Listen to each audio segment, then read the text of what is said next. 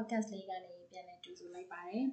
။ဒီနေ့ခေါင်းစဉ်လေးကတော့ motivation နဲ့ရေရှိုးခြင်းကိုနေ့စဉ်လုပ်ပါတဲ့။ဒါဆို motivation ဆိုတာဘာလဲဆိုတော့ပြောဖို့လိုလာပြီပေါ့။ဟောမေ့သွားလို့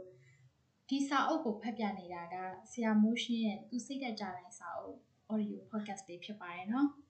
။ဆိုတော့ motivation ဆိုတာဘာလဲ။ motivation ဆိုတဲ့စိတ်အားတက်ကြွမှုဆိုတာကတော့ကျွန်တော်တို့ဘဝမှာလိုချင်တဲ့အရာတွေရရှိဖို့ကြိုးစားရမှာမရှိမဖြစ်လိုအပ်တဲ့စိတ်ခံစားချက်တွန်းအားတစ်မျိုးပဲဖြစ်ပါတယ်။ကိုလိုချင်တဲ့အရာတွေကိုရယူဖို့ဆိုတာ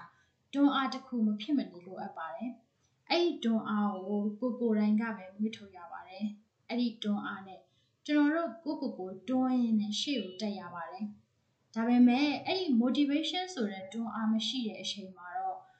လူတော်တော်များများဟာစိတ်ဓာတ်တွေကျပြီးတော့မှရက်တက်နေလေးရှိပါတယ်။ဒီတော့ motivation ကိုအမြဲလိုအပ်တာပေါ့။ကျွန်တော်တို့နေ့တိုင်းရေရှိုးသလိုပဲ motivation ဟာလည်းမရှိမဖြစ်လိုအပ်တဲ့အရာတစ်ခုဖြစ်ပါတယ်။ဒီလိုဆိုကျွန်တော်တို့မှာ motivation မရှိရင်ဘာတွေဖြစ်လာနိုင်သလဲ။ motivation မရှိတဲ့လူတစ်ယောက်ဟာအရင်ကသိတာပါတယ်။ သူ့ရဲ့ဘဝကိုတက်မပါတဲ့လှည့်ရွက်လေတစင်းလိုမျိုးရောက်ရှင်ရရောက်မျောကျင်ရမျောထားတတ်ပါတယ်။သူ့အတွက်အလုပ်ဆိုတာကလည်းနေ့တတူကလုပ်နေကြရအရာတစ်ခုထပ်မပိုတော့ဘူးအဲ့ဒီအလုပ်ကနေလည်းအများကြီးသူမျောလင့်လေမရှိပါဘူးသူ့မှာခိုင်ခိုင်မာမာရီမန်းချက်လည်းရှိမနေတတ်ဘူးရှိနေရင်တော့မှအဲ့ဒီရီမန်းချက်တွေအတွက်သူဘာမှစူးစမ်းနေလေမရှိဘူးဒါဆိုရင်လူတယောက်မှာ motivation ရှိနေရင်ရော motivation ရှိတဲ့သူကလည်းအယံကိုသိတာပါတယ်သူကသူ့ဘဝရဲ့အစိတ်အပိုင်းအားလုံးကိုမကျေနပ်ရင်တော့တနေ့နေ့မှာသူလိုချင်တာတွေကိုရရမယ်ဆိုတဲ့ခိုင်မာတဲ့စိတ်ဓာတ်ရှိနေပါတယ်။အဲ့ဒီအတွက်လည်းသူတစ်ခုခုကိုအမြဲစူးစမ်းလုပ်နေလေရှိပါတယ်။ motivation ရှိတဲ့သူကအမြဲမတက်ကြွရင်တော့မှအချိန်တော်တော်များများမှာတက်ကြွနေလေရှိပါတယ်။ဒါဆိုကျွန်တော်တို့တွေ motivation ကိုဘယ်လိုရအောင်လုပ်ရမလဲ။ motivation ရဖို့ဆိုတာနည်းလမ်းများစွာရှိပါတယ်။ motivation ရှိနေဖို့လည်းအမြဲစူးစမ်းနေသင့်ပါတယ်ဥပမာတင့်တငယ်ချင်းတွေတဲကအောင်မြင်တဲ့သူတွေကိုအားကြတာဒါမှမဟုတ်လို့ရှိရင်ကဘာကြော်ပြီးတော့အောင်မြင်တဲ့သူတွေကိုအားကြတာမျိုးတွေရှိနေတင်ပါတယ်ဘသူကိုမှအားမကြပဲနဲ့တင်တာအတော်ဆုံးလို့တွေးနေလို့တော့မရဘူးပေါ့ဒါကြောင့်လဲ role model ဆိုတဲ့စကားလုံးကဖြစ်ပေါ်လာတာပါတင်အားကြပြီးတော့မှ စံပြပုံကိုတယောက်လိုထားရတဲ့လူတယောက်ကတော့ရှိတင်ပါတယ်ပြည်ရင်းကပဲဖြစ်ဖြစ်ပြည်ပကပဲဖြစ်ဖြစ်ပေါ့နောက်တစ်ခုလုပ်နိုင်တာကတော့သင်စာဖတ်ဖို့ပါစိတ်တက်ကြတဲ့သူတွေကစာမဖတ်တာများလို့ပါစိတ်တက်တက်ကြွလာနိုင်တဲ့စာပေတွေမှာအများကြီးပဲရှိပါတယ်စာအုပ်စာပေတွေကလူတွေရဲ့တွေးခေါ်ပုံကိုပြောင်းလဲပြနိုင်ပါတယ်တွေးခေါ်ပုံတွေကလူတွေရဲ့ဘဝကိုပြောင်းလဲစေနိုင်ပါတယ် ဒါကြောင့်အားလုံးကိုပြန်အနှစ်ရှုပ်ရရင်တော့စာအုပ်တွေကသင်ရဲ့ဘဝကိုပြောင်းလဲစေနိုင်ပါတယ်ဒါကြောင့်မလို့သင် motivation ကိုလိုချင်နေဆိုရင်စာအုပ်တွေကနေပြီးတော့ motivation ရအောင်ရှာဖွေပါဒါကြောင့်မလို့ motivation နဲ့ရေရှိုးခြင်းကနေ့စဉ်လိုအပ်ပါတယ်လို့ကျွန်တော်ပြောတာပေါ့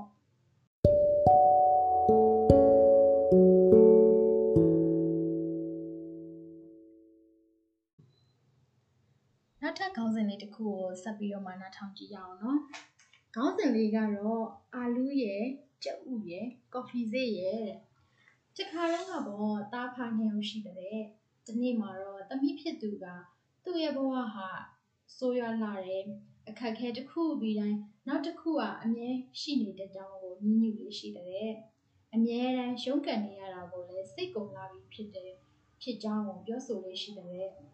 ဒါနဲ့ပဲစဖို့မှုအလုပ်ကို လုပ်ကင်နေတဲ့အဖေဖြစ်သူက တနေ့မှာတော့ သူ့သမီးကိုမိဖို့ကြောင့်လည်းခေါ်ဆောင်သွားပါတော့တယ် အဲ့ဒီနောက်မှာတော့ရင်နွေးအိုးသုံးအိုးကို အပူချိန်မြင့်မြင့်နဲ့ စတင်လိုက်ပါတယ်ရင်နွေးရင်နွေးအိုးတွေစူပွက်လာတာနဲ့ တပြိုင်နက် ပထမအိုးတွေကို အာလူးတွေ ထည့်လိုက်ပါတယ် ဒုတိယအိုးတွေကိုတော့ ကြက်ဥထည့်လိုက်ပါတယ် တတိယအိုးတွေကိုတော့ ကော်ဖီစိတ်တွေ ထည့်လိုက်ပါတယ်တဲ့ ထို့နောက်မှာတော့ စကားတခွန်းမှမပြောဘဲနဲ့ထိုင်စောင့်နေပါတယ်။သမီးဖြစ်သူကတော့ဖခင်ဖြစ်သူဘာလို့နေမဲနေမှန်းကိုနားမလည်နိုင်စွာနဲ့ပဲတီးခံပြီးတော့စောင့်ကြည့်နေရတာတော့ပေါ့။ဒီလိုနဲ့မိနစ်20အကြာမှာတော့ဖခင်ဖြစ်သူကမီးပုံကိုပိတ်လိုက်ပါတယ်။အဲ့ဒီနောက်မှာတော့အာလူးတွေကိုထုတ်ပြီးတော့မှပကံတစ်လုံးထဲကိုထည့်တယ်အဲ့ဒီနောက်မှာတော့ကြက်ဥကိုထုတ်ပြီးတော့နောက်ပကံတစ်လုံးနဲ့ကိုထည့်တယ်အဲ့ဒီနောက်မှာတော့ coffee ဈေးကိုလည်း နောက်ပကံတစ်လုံးနဲ့ကိုထည့်လိုက်တာပါပေါ့ပြီးရင်တော့သူ့သမီးကိုသမီးဘာမြင်လဲလို့မေးပါတယ်တဲ့သမီးဖြစ်သူကလည်းဖြေတာပေါ့အာလူရဲ့ကြက်ဥရဲ့ coffee ဈေးရဲ့လေဖခင်ဖြစ်သူကတည်တည်ရှာရှာပြန်ကြည့်ပါအောင်သမီးရဲ့အာလူကိုထိကြည့်ပါအောင်လို့ပြောလိုက်ပါတယ်သမီးဖြစ်သူကလည်းအာလူကိုထိကြည့်ပြီးတဲ့နောက်အာလူကပြော့လိနေတာကိုသတိထားလိုက်မိတယ် ထို့နောက် ဖခင်ဖြစ်သူက ကြက်ဥကိုယူပြီးတော့ခွဲကြည့်ခိုင်းလိုက်ပါတယ်ကြက်ဥကတော့အကြက်လွန်ပြီးတော့မှအထဲမှာမာနေပါတယ်အဲ့ဒီနောက်တော့ကော်ဖီကိုတငုံလောက်တောက်ပြီးတော့မီးခိုင်းလိုက်ပါတယ်ကော်ဖီရဲ့မှုရတဲ့ကြောင့်သမီးဖြစ်တဲ့သူကပြုံးသွားပါတော့တယ်ဒါပေမဲ့ဖခင်လုတ်ပြနေတဲ့အရာတွေလုတ်ခိုင်းနေတဲ့အရာတွေကိုဘာလို့ဆိုလိုမှန်းသဘောမပေါက်သေးပါဘူး။ဒါကြောင့်လည်းအဖေကအဖေဘာကိုဆိုလိုချင်တာလဲလို့သမီးဖြစ်သူကမေးလိုက်တယ်တဲ့။ အဲဒီနောက်မှာတော့ဖခင်ဖြစ်သူကအသေးစိတ်ရှင်းပြရတာပေါ့။အာလူးရဲ့ကြက်ဥရဲ့ကော်ဖီရဲ့ဟာတူညီတဲ့အပူချိန်ကိုကြုံတွေ့ခဲ့ရတာပါ။ဒါပေမဲ့သူတို့ရဲ့တုံ့ပြန်ပုံတွေကတော့တစ်ခုနဲ့တစ်ခုမတူပါဘူးတဲ့။အာလူးကအစကတော့မာကြောတဲ့တဏ္ဍာကိုဆောင်ပါတယ်။ဒါပေမဲ့လည်းစူပွက်နေတဲ့ရင်နွေးပုံနဲ့တွေ့တဲ့အခါမှာတော့ပျော့ပြောင်းသွားတယ်။ကြက်ဥကတော့ကွဲလေတဲ့တဏ္ဍာကိုဆောင်တယ်။ ဒါပေမဲ့လည်းစူပွက်နေတဲ့ရင်နွေးအပုံနဲ့အကြာကြီးတွေ့တဲ့အခါမှာတော့အထဲကအရည်တွေဟာမာကြောလာပါတယ်။အဲ့လိုပဲကော်ဖီစိတ်ကတော့သူတို့နဲ့မတူပဲထူးခြားတယ်။စူပွက်နေတဲ့ရင်နွေးပုံနဲ့ထိပြီးတဲ့အခါမှာသူကရေနွေးကိုအရှာပုံမကောင်းမွန်တဲ့အရာတစ်ခုအဖြစ်ပြောင်းလဲလိုက်တာပေါ့တဲ့။ဒါဆိုရင်သမီးအောင်ဘယ်ဟာနဲ့တူတယ်လဲဘဝမှာအခက်အခဲတွေနဲ့တွေ့တဲ့အခါဘလို့တုံ့ပြန်လိုက်ရှိတယ်လဲ အာလူးလိုလားကြက်ဥလိုလားကော်ဖီစိတ်လိုလားတဲ့ကဲကျွန်တော်တို့အားလုံးဟာဘဝမှာအခက်အခဲတွေနဲ့အမြဲကြုံတွေ့ရတယ်လို့ပါပဲကိုဘလို့တုံ့ပြန်လဲဆိုတဲ့အပေါ်မှာမူတည်ပြီးတော့ကျွန်တော်တို့မှာအောင်မြင်မှုတွေဆိုတာကွာခြားသားကြတာပါဒီလိုပဲတင့်ဘဝမှာလည်းအခက်အခဲတွေကြုံတိုင်းစိတ်အားမငယ်လိုက်ပါနဲ့ကော်ဖီဆေးတွေလိုဖြစ်ပေါ်လာတဲ့အခက်အခဲတွေကိုကောင်းမွန်တဲ့အရာတစ်ခုဖြစ်ပြောင်းလဲနိုင်ကြပါစေ။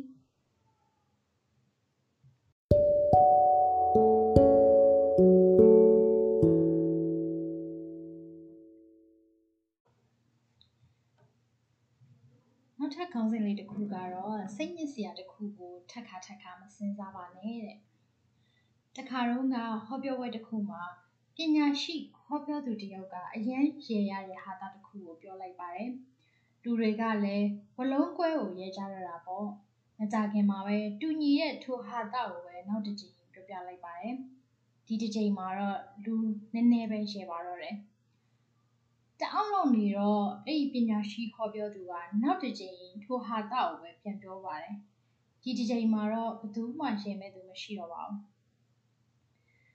။အဲ့ဒီချိန်ကျမှပညာရှိဟောပြောတဲ့သူကပြုံးပြီးတော့မှပြောပါတယ်။ဟာတာတစ်ခုတည်းကိုထက်ခါထက်ခါခင်ဗျားတို့မရေကြဘူးမဟုတ်လား။အဲ့ဒါဆိုရင်ဘာဖြစ်လို့ခင်ဗျားတို့အားလုံးကအကြောင်းအရာတစ်ခုတည်းကြောင့်ပဲခဏခဏဝမ်းနည်းနေကြတာလဲတဲ့။ ဘဝမှာဒီလိုပဲဝမ်းသာစရာရှိမယ်။ဝမ်းနည်းစရာရှိမယ်။ဘာတွေပဲဖြစ်နေပါစေဘယ်အရာမှမတည်မြဲပါဘူး။ဟာတာတစ်ခုကိုထက်ခါထက်ခါမရေရသလိုစိတ်ညစ်စရာတစ်ခုကိုလည်းထက်ခါထက်ခါမတွေးပါနဲ့တဲ့